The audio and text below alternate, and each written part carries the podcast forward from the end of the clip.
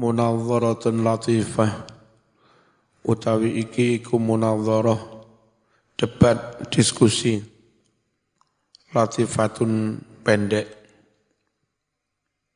Qala wasdawuh sapa al-qadhi Abu Bakrin Ibnul Arabi.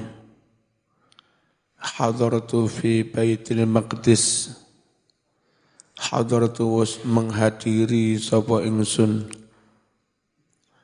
ing Baitul Maqdis. Tahara semoga tetap menjaga kesucian hu ing Baitul Maqdis. Sopo Allahu Allah. Saya hadir di madrasati Abi Uqbah Al-Hanafi ing madrasai pondoke Abi Uqbah Al-Hanafi. Wal qadi halih utawi qadi Zanjani. Iku yulqi menyampaikan sopo Zanjani. Alina kepada kami semua ad-darsa ing pelajaran. Fi yaumil jumu'ati ing dalem dina Jum'ah Aja turu lho rek, bocah SMP timpet. Fabaina nahnu kadzalika. Ketika kami sedang demikian mengikuti pelajarannya Zanjani tiba-tiba takhola masuk alaina kepada kami semua masuk ke ruang pelajaran sapa rajulun wong lanang suwiji? Bahiyul mangdori yang mencorong bercahaya wajahnya. Ala dhuhrihi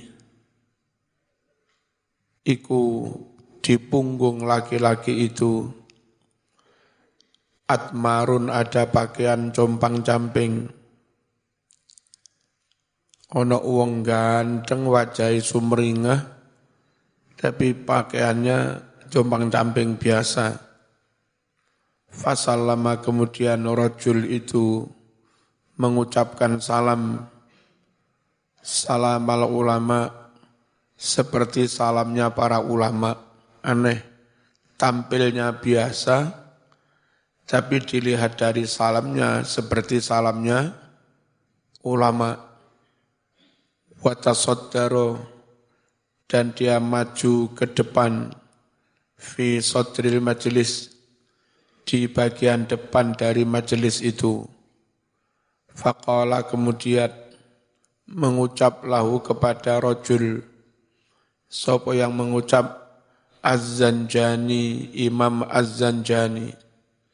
Manis Sayyid, man siapakah As-Sayyidu Tuan? Tuan siapa? Orang dandannya biasa, ganteng kok wani, maju ke depan. Fakola, kemudian dia mengucap, saya ini rojulun seorang, salah bau yang telah merampasnya, asutoru para penyamun, para pembegal amsi kemarin. Saya orang yang kemarin kena begal. Ada SMP aja bubuk ya. Eh, nek kandone bubuk di gugah sandinge gugah. Sama niku sapa? Saya orang yang kemarin kena begal. Wakana maksidi dan adalah tujuan saya hadal haram al-maqdis. Kepingin berziarah ke Baitul Maqdis Masjidil Aqsa. Perjalanan menuju Baitul Maqdis kemarin kena begal. Wa ana rajulun min sogon saya orang dari wilayah sogon min talabatil ilmi dari golongan para penuntut ilmu santri kami Faqala al-qadi Kemudian berucaplah Qadi Abi Bakrin, eh Qadi Az-Zanjani, sing, sing mengisi majelis itu. Mubatiron bergegas, saluhu, silahkan wahai para jamaah, bertanya kepada tamu ini. Tamu kita ini ulama, termasuk santri, jamaahnya disilahkan bertanya. Tujuannya mungkin dua, satu untuk memuliakan tamu, jadi eh, dipersilahkan jamaah tanya karena tamunya orang alim.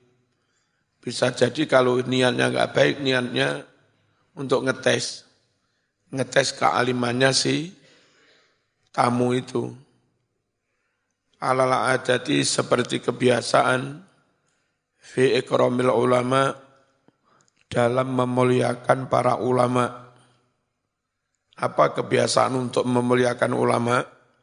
Bimubadarati so'alihim dengan bergegas bertanya. Wa waqa'at al-Qur'atu ala mas'alatil kafir. Wa waqa'at dan tibalah al-Qur'atu undian ala mas'alatil kafir tentang masalahnya seorang non-muslim. Idal taja'a ilal haram. Jika dia mengungsi berlindung di tanah suci. Kan kita nggak boleh membunuh orang di tanah haram. Nggak boleh memerangi orang di tanah suci.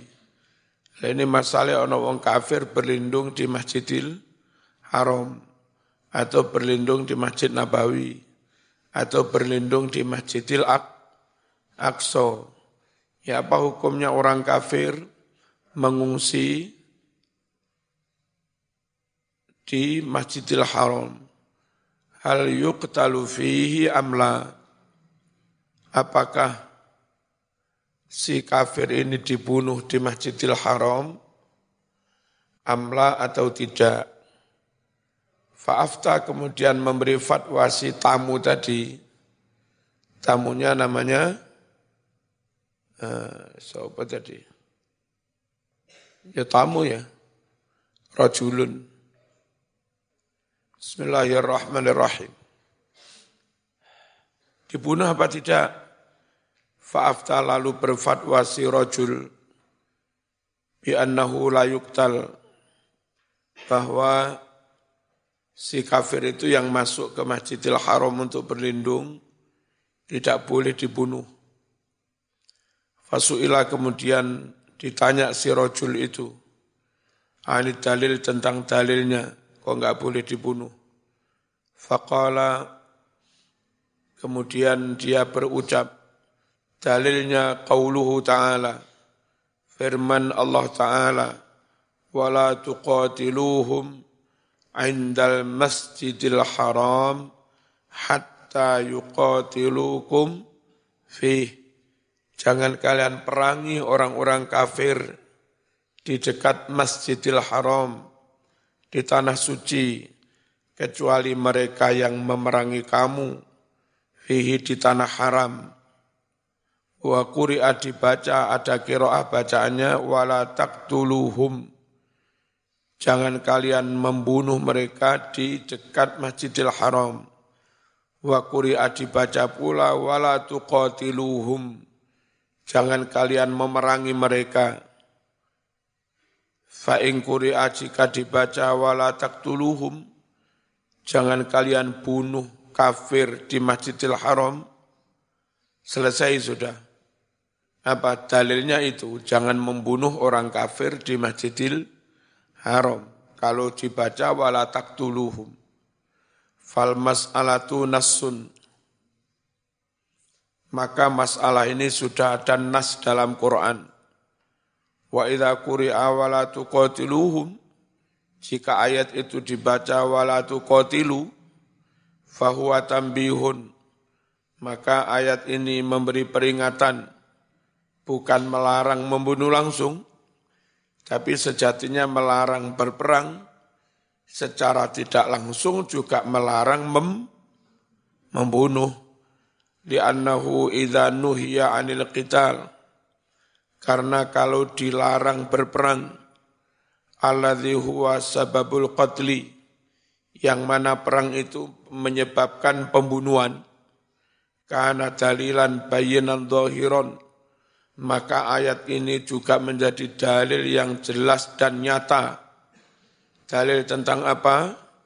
Alan nahyi anil qatli, larangan membunuh. Nah, ini yang menjawab itu orang yang mau menuju Masjidil Aqsa, tamu ini di tengah jalan di rampok Rupa-rupanya dia bermadhab syah, oh, bermadhab Hanafi mungkin. Fa'taradu alaihi al-qadhi az-zanjani. Menyanggahlah alaihi kepada si rojul tamu ini, yang menyanggah al-qadhi az-zanjani. Qadhi az-zanjani itu yang sahibul majlis, yang ngisi muntasiron guna membela li syafi'i madhabnya syafi'i wa malik dan membela madhabnya malik wa illam yara madhabahuma meskipun dia sendiri tidak sependapat madhabnya Malik dan Syafi'i. Alal adati seperti kebiasaan. Yang penting ada sanggahan. Disanggah seakan membela madhab Syafi'i Maliki. Meskipun dia sendiri tidak bermadhab Syafi'i maupun Maliki. Faqala dia mengucap, Hadil ayatu mansukhatun biqaulih ayat ini dinasah dengan firmannya faqtulul musyrikin haitsu wajadtumuhum maka bunuhlah orang-orang musyrik di mana pun kalian mendapati mereka. Faqala lahu, lalu mengucaplah kepada dia, as tamu yang dari Sogon tadi. Hada la yaliqu biman sibil qadi wa ilmi. Latah mengatakan ayat ini mansuh, pengucapan seperti itu enggak pantas bagi jabatan seorang hakim wa ilmihi dan gak pantas dengan keilmuannya. Mosok seorang hakim agung berpendapat ayat ini sudah dinasah. Fa inna hadhil ayata karena sesungguhnya ayat ini ayat yang faktulul musyrikin haitsu haitsu wajadtumuhum allati i'taratta yang mana kamu telah menyanggah pihak dengan ayat ini. Alaya menanggah saya, ayat ini amatun bersifat umum. Jangan membunuh orang musyrik di mana pun kamu dapatkan mereka. Itu kan umum. Sementara ada pengecualian, kalau di Masjidil Haram jangan dibunuh. Kan begitu fil amakin umum di banyak tempat wal ayul ihtajtu biha sedangkan ayat allati ihtajtu yang mana aku telah berhujjah biha dengan ayat itu mana? Wala tuqatiluhum indal masjidil haram. Ayat yang saya pakai berhujah khasatun bersifat khusus. Wala yajuzu li ahadin an yaqul.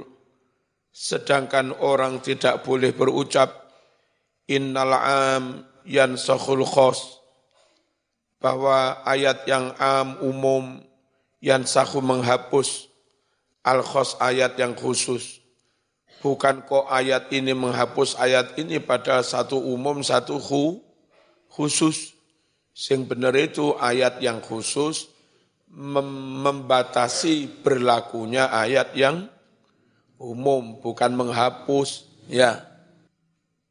Fa'abhata lalu membuat tercengang bingung si tamu as tadi. Sopo al-qadhi uh, membuat bingung, tercengang, kaget al-qadhi az-zanjani si qadhi az-zanjani sahibul majelis. Wahada utawi ngene iki debat singkat ini iku min badiil kalam termasuk penuturan bahasa yang indah. Qala Ibnul Arabi fasabatan nahyu anil qital sehingga ditetapkanlah larangan berperang fiha di tanah suci Qur'anan wa sunnatan baik menurut Al-Quran maupun sun, sunnah. Fa'in laja'a jika mengungsi berlindung menjadi refos ilaiha ke tanah suci Mekah sopo kafirun wong kafir fala sabila maka tidak ada alasan membunuh ilahi kepada orang kafir yang berlindung atau mengungsi di tanah suci Mak Makkah. Wa ammazani wal qatil. Sedangkan orang yang zina muhson kena rajam tapi neng Mekah. Wal qatil si pembunuh. Membunuhnya di Mekah. Fala buddha maka tidak bisa tidak. Min iqamatil haddi. Menegakkan hukum Allah. Alih atas si pezina. Meskipun di Mekah, kalau sudah punya suami istri masih zina, namanya zina muhson, ya tetap kena rajam, dilempari batu sampai mati. Si pembunuh ya kena kisos, meskipun di Makkatul mukarramah di tanah suci. Illa kecuali an tadi ajika mengawiti, ngawali, mendahului sopo al kafiru si kafir tadi bil qitali ngawiti berperang fiha di Makkah fayuktalu maka dia pun juga dibunuh meskipun di Mekah binasil Quran berdasarkan nas al-Quran. Al-hukmur rabi' hukum yang keempat mal muradu bil udwan. Apakah yang dimaksud dengan istilah udwan melampaui batas? Fil ayatil karimah di dalam ayat tadi. Haramal bari al-i'tida harama telah mengharamkan Al-Bari Allah Sang Pencipta. Mengharamkan apa? Al-iktida tindakan yang melampaui batas. Fi qauli di dalam firman-Nya wala ta'tadu innallaha la yuhibbul mu'tadin. Arek-arek aja bubur. Timpet, timpet, diucap. Cak oleh ilmu. Wala tadu, jangan kalian melampaui batas. Sungguh Allah tidak suka orang-orang yang melampaui batas. Apa yang masuk kategori tindakan melampaui batas? Ya termasuk ngegame sampai menjelang subuh. Arab subuh ngantuk, turu subuh i, hilang. Yadkhulu masuk fi kategori melampaui batas. Opo irtikabul manahi? Menerjang atau melakukan larangan-larangan. Kama qalahul Hasanul Basri. Seperti yang dikatakan oleh Imam Hasan Basri. Minal muslah. Semisal muslah muslah itu mencincang eh, makhluk hidup Aman mangkel karo kucing ora ora mau pateni langsung. Mau iris kupingi. Mau iris manue. Kandang dipateni. Ya. Perang saking gregetan karo musuh. Musuh kecekel mau cencang tangan ning wit. Iris silet wae lombok. Ketok kupingnya wae lombok. Kukune ditang. Copoti. Wae lombok nggak segera dibunuh itu namanya muslah. Itu tindakan tindakan yang melampaui batas, ya. Wal gulul, korupsi, ini juga melampaui batas. Waqatulun nisa, membunuh perempuan.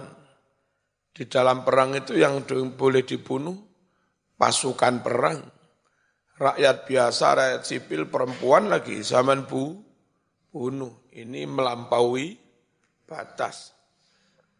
Wasibian membunuh anak-anak melampaui batas kayak yang dilakukan ISIS itu. Melakukan begitu kepada sesama muslim. Mau anak-anak, mau perempuan juga dibunuh. Ini tindakan wala ta'tadu. Innallaha la yuhibbul mu'tadin. Wasyuyukh dan membunuh orang-orang tua. Alladzina la qudrata lahum 'alal qital. Yang mana kaum perempuan, anak kecil, orang-orang tua tidak ada kemampuan bagi mereka untuk berperang. Wedkhulu masuk fiha dalam kategori melampaui batas. Apa? Qatlur ruhban membunuh para pendeta. Perang karo wong Kristen pendetane mau pateni. Mateni pendeta itu sama dengan membunuh agama pendeta kan ulamanya mereka kalau zaman bunuh usai peperangan eh, siapa yang mimpin kebaktian Enggak ada. Ya. Seperti yang pihak kafir membunuh para kiai. Usai perang, masyarakat awam bubar Jumatane. Khotib-khotib wis mati. Jumatane bu, bubar. Ini tindakan yang melampaui batas. Watahrikul asjar,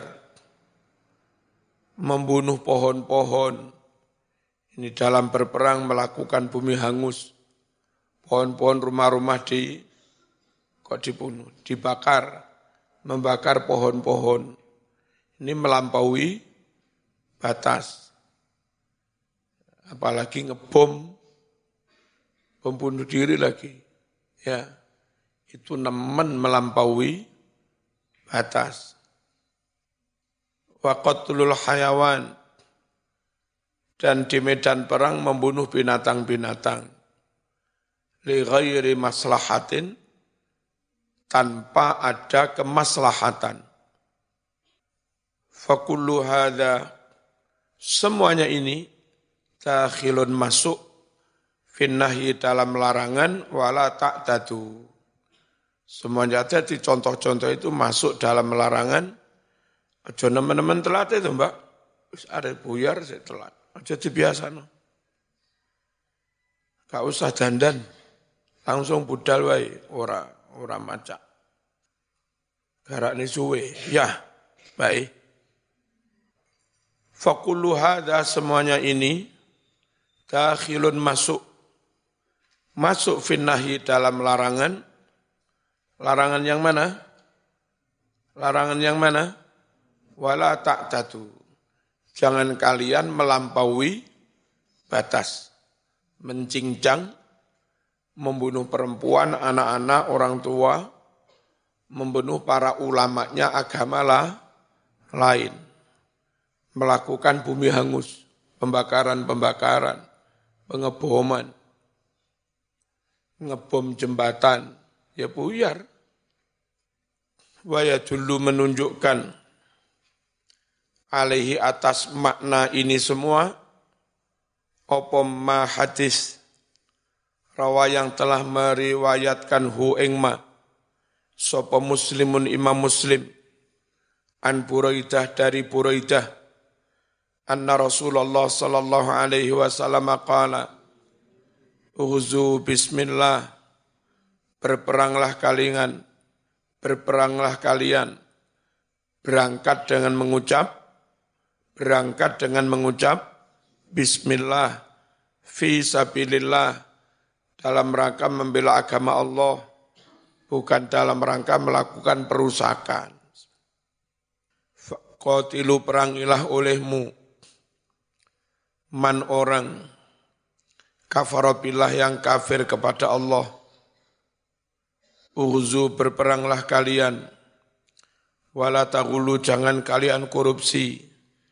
Korupsi dalam peperangan itu, pas peperangan selesai, tum-tuman harta rampasan, belum ditum wis nyebut dhisik ngentit jenenge korup korupsi wala tak Jangan kalian melampaui batas. Oh, wala taqduru.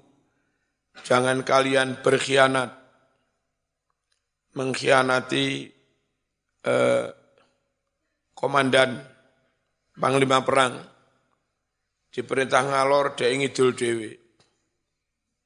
Ternyata dia bekerja untuk musuh. Malah membunuh teman sen sendiri.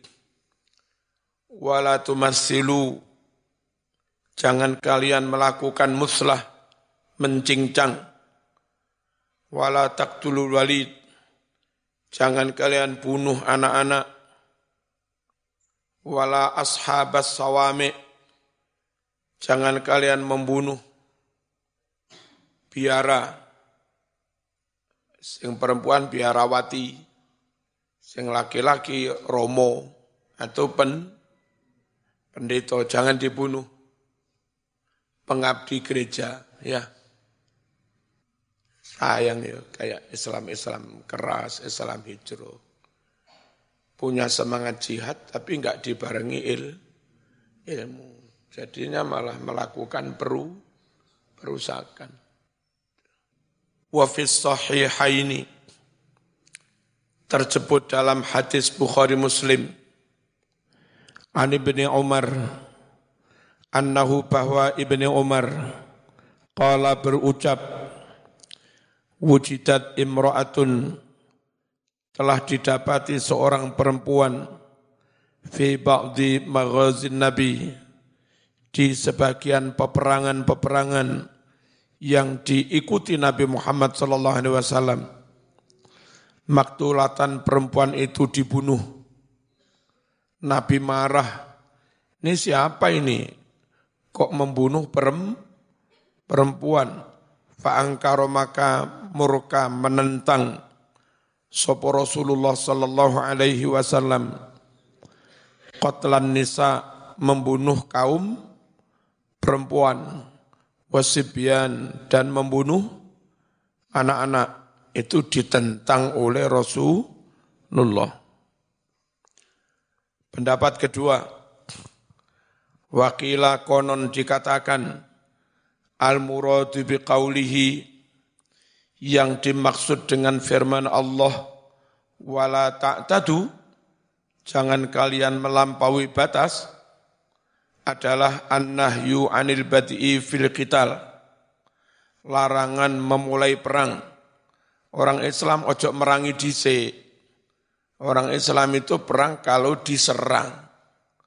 Orang Islam itu berdakwah, ngajar berdakwah, ngajar berdakwah, program pengentasan kebodohan, ekonomi itu. Kok diserang, lah kita tak ladeni. Ojo disi, ojo disi. Lek saman disi, itu saman jenenge wala tak tadu. Saman melampaui batas. Wahuwa marwiyun an muqatil. Pendapat ini diriwayatkan dari ahli tafsir ini. Muqatil. Wakila Dikatakan pula, Al-muradu an-nahyu an qitali man lam yuqatil. Yang dimaksud melampaui batas, yaitu larangan memerangi orang-orang yang tidak mem memerangi. Orang non-muslim kayak Indonesia, mereka mau hidup damai dalam satu negara moro-moro mok bom ini. Itu masuk kategori melampaui batas. Wong gak merangi kok diperangi. Wa huwa qaulu Sa'id bin Jubair. Itu pendapatnya Sa'id bin Jubair dan Abil Aliyah. Qala dawuh Sob Al-Qurtubi, Imam Al-Qurtubi, wa yadullu alaihi minan nadhari.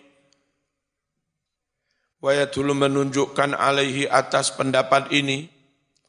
Minan nadhari dari penalaran ini penalaran. Anna qatala bahwa fi'il qatala wazan fa'ala berarti sepihak pas saling Halo, sapa guru ini sorop fa'ala yufa'ilu mufa'alatan. Itu saling berarti dua belah pihak, apa sepihak? Hah? Kalau membunuh sepihak, kalau perang kedua-duanya tuh. Ini fi'il qatala ikut wazan fa'ala layakunu fil ghalib. Layakunu tidak ada fil ghalib pada umumnya illa kecuali minisna ini dari kedua belah pihak saling. Kal muqatalah seperti muqatalah saling membunuh. Wal musyatamah saling memaki. Wal mukhasamah saling padu wal qitalu Nah, karena kotala itu saling, sementara anak-anak, orang tua, pendeta, orang perempuan kan nggak ikut perang. Mereka nggak ikut dalam konteks saling, nggak nggak ikut dalam konteks saling tadi. Wong mereka diam di rumah kok. Itu. Tidak masuk kategori saling mem, membunuh. Kenapa kamu bunuh? Berarti kamu do, Zolim melampaui batas. Wal qitalu la yakunu fin nisa. Perang itu tidak boleh di kalangan perempuan. Wala fisibyan. Juga tidak boleh di kalangan anak-anak. Kaum teroris, anak istrinya dibonceng, dililit bom di perutnya. Itu ngajak anak-anak, ngajak istri yang ngebom gereja Surabaya itu. Aslinya anak Banyuwangi.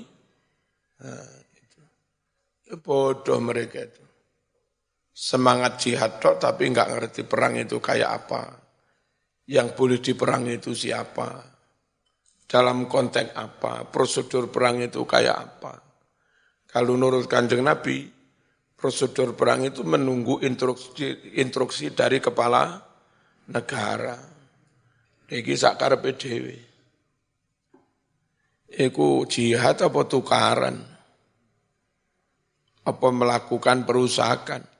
Karena jihad ternyata yang dilakukan walatus situ. Ya, fil ardi ba'da islahiha. Jangan kalian melakukan perusakan di muka bumi. Karena ngono jihad. Tapi karena tanpa il, ilmu. Kalau sudah dengan ilmu mas, yang tidak jihad malah dapat pahala jihad. Yang jihad malah dapat dosa mem, membunuh. Kalau tanpa ilmu. Perang itu tidak terjadi pada kalangan perempuan. Wala juga tidak pada anak-anak.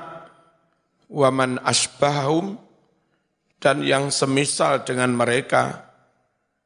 Karruhban seperti para pendeta, para romo, wazamna, dan seperti orang-orang yang zamanah, zamin, telah jumpo. Wong loro nemen kena setruk mau pateni. Lalapung pateni dia enggak akan mengancam kamu. Setruk melakukan kangelan. Ya. Itu jumpo. Zamin. Jamaknya zam. Zamna wasyuyuh dan orang-orang tua fala yuktalun makanya mereka enggak boleh dibunuh sekali lagi saya heran dengan kiai-kiai Jawa itu ngaji kitab macam-macam ya. itu kalimat-kalimat yang gharib kalimat yang asing, aneh, jarang terucap. Kayak kalimat zamna rata-rata juga ngerti maknanya. Yang kadang orang Arab sendiri, orang Arab umum, itu malah nggak tahu maknanya. Saya pernah ngikuti khutbah di Masjidil Haram, enak sekali, ilmiah banget. Khotibnya doktor. Kita aja yang dari Indonesia menikmati, menikmati isinya khutbah. Orang Arab samping malah nggak paham rupanya. Iskalam. Omong apa ini? Itu. Ya, sebetulnya kalimat-kalimat Arab yang gorib, yang nggak populer, baik itu kalimat di Quran atau di Sunnah atau di tulis oleh ulama-ulama kuno. Itu justru terpelihara maknanya di Indo, di Indonesia. Orang Arab sendiri kalau nggak terbantu kamus besar-besar ya malah nggak ngerti. Tapi anehnya hari-hari tetap berbahasa Jawa. Kiai-kiai itu.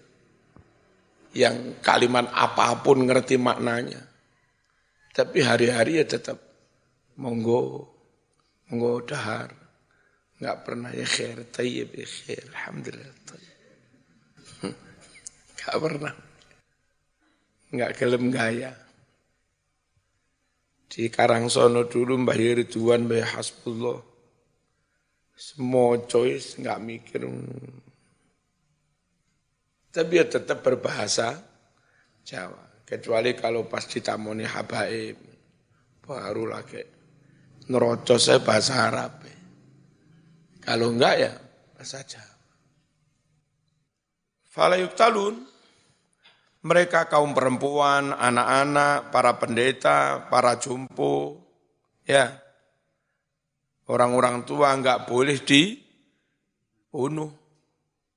Wa bihadza awsa Abu Bakr as-Siddiq. Ini pula yang menjadi wasiat wanti-wanti oleh Abu Bakrinis Siddiq. Kepada siapa? Yazid ibn Abi Sufyan. Hina arsalahu ila Syam. Ketika Abu Bakar mengutusnya ke negeri Syam. Diutus untuk jadi pejabat di sana. Illa kecuali an yakuna jika ada terjadi lihaula bagi anak-anak orang perempuan idayatun mengganggu bisa jadi kadang-kadang anak-anak dibunuh juga nggak apa-apa kalau mereka ternyata digunakan oleh musuh untuk menyerang kita anak di bawah umur umur 11 umur 12 umur telulas Sejatinya dibunuh nggak boleh. Tapi nyatanya sudah dilatih oleh musuh untuk menembak, untuk membawa martir. Kan yang membahayakan kita juga. Itu dibunuh karena kita daru, darurat. Walil ulama fihim suarun sittun. Adalah bagi para ulama fihim tentang anak-anak perempuan yang karena memerangi kita akhirnya juga boleh diperangi. Suarun ada gambaran-gambaran. Situn yang jumlahnya ada enam. Pertama, an-nisa idha qatalna kutilna. Kaum perempuan, jika mereka ikut membunuh, ikut berperang, ia dibunuh meskipun perempuan wong ikut perang. Fi qawli umumi qawli karena keumuman firman Allah wa qatilu fi sabilillah alladzina yuqatilunakum. Yang kedua asibyan, anak-anak. Fala yaktuluna linnahyi sabit yani an qatli tidak boleh anak-anak dibunuh. Karena ada larangan yang permanen. Larangan apa? Larangan membunuh anak-anak. Wali annahu la taklif alaihim. Dan alasannya karena mereka belum mukallaf. Belum terbebani hu, hukum. As-salisah yang ketiga ar-ruhban para pendeta layuk talun mereka tidak boleh dibunuh walayustarokun dan tidak boleh diperbudak usai peperangan pendeta enggak fadharhum tinggalkan mereka biarkan para pendeta itu. Ojo ditangkap ya. Wama dan biarkan pula gereja-gereja habasu yang mana mereka telah mewakafkan angfusahum diri mereka lahu untuk si gereja itu. Atau kadang diri mereka diwakafkan, ditugaskan bukan di gereja tapi di seminari. Ya, pendetanya jangan ditangkap, biarkan saja. Pun pula gereja seminarinya juga biarkan saja, ojo diru, ojo dirusak. Sehingga usai peperangan, yang muslim ya beribadah di masjid kayak biasanya, yang Kristen ya beribadah di gereja kayak biasanya. Jadi perang itu bukan untuk islamisasi. Perang itu bukan untuk menyabarkan Islam, bukan. Perang itu untuk melindungi rakyat yang ditindas. Termasuk kita berdakwah lalu ustadz-ustadznya dibunuh, ditindas kita kirim pasukan perang, nah, setelah selesai perang, ya sudah, yang Kristen kembali ke gereja, yang Islam ya kembali ke masjid. Azamna, orang-orang yang jumpo, Idza kanat fihim idayatun, jika ada gangguan dari mereka, Kutilu mereka pun juga dibunuh meskipun jumpo. Jumpo tapi ahli siasat. Jumpo ahli, ahli merakit bom. Ya, tetap membahaya, membahayakan ya dibunuh. Wa illa jika tidak membahayakan, turiku maka mereka dibiarkan. Wa juga apa-apa hum bisa pilih. Yang mana mereka itu ada di jalannya. Mereka melakukan tugas apa-apa, biarkan. Termasuk Nyun Sewu. Perawat yang merawat orang jumpo.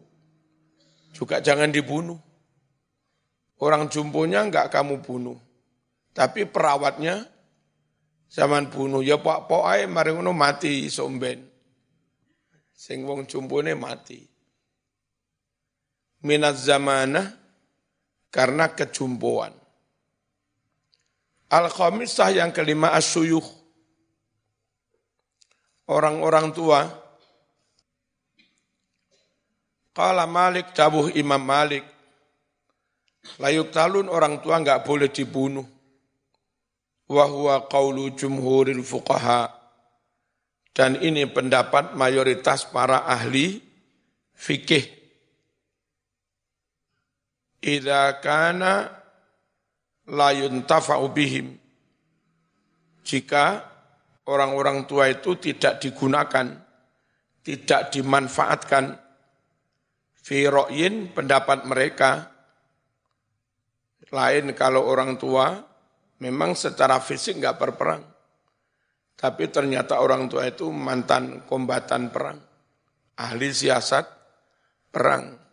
Nah pasukan ini minta petunjuknya ya ke orang tua ini. Ini juga membahas, membahayakan, boleh dibunuh. Walam mutafatin juga tidak untuk pertahanan, defend. As-sadisah yang keenam yang nggak boleh dibunuh, Al-Usafa, para rakyat jelata, kaum buruh, petani, tukang ngarit. Ini kalau mau patah ini sapi luwe kabeh mas. Tukang makan pitik, tukang resi kandang, ya, tukang berujul, tukang mopo. Itu tidak mau patah ini, rakyat sipil bawah. Buyar perang sampai tentaranya keluwen, petani ini mau patah ini. Hah? Ini rakyat sipil nggak boleh dibu, nggak boleh dibunuh. Namanya usafa. Wahum al ujaro mereka kaum buruh. Wal falahun kaum petani. Liqauli Umar karena ucapan Umar, ittaqullah, takutlah kamu kepada Allah, fidzurriyah, membunuh anak-anak. Wal fallahin membunuh para pe, petani. Juga malahin. Malah itu uh, yang mencari ikan di laut. Apa jadinya? Nelah nelayan. Ya. Alladzina yang mana mereka itu layun sobuna tidak ditugaskan al-harba berperang lakum kepada kamu semua. Mereka itu tidak ditugaskan memerangi kamu. Mereka ya tugasnya ya kerja. Siapa pun pemerintahnya ya mereka hari-hari ker, kerja. Ganti presiden ya tetap tukang mopok. Ganti model negara ya tetap tukang mopok.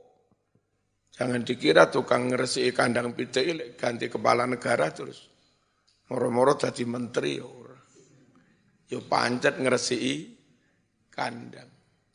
Maka demi pergantian rezim pemerintah, demi pergantian bentuk negara, nggak nggak boleh sampai membunuh rakyat biasa rakyat jelata rakyat si sipil. Wes, ini fikihnya kayak begitu. Dan fikih itu di mana-mana mesti rasional propor proporsional. Ngono yo ngono nanging ya aja ngono. Mesti mikir kemaslahatan itu fikih. Al-Fatihah.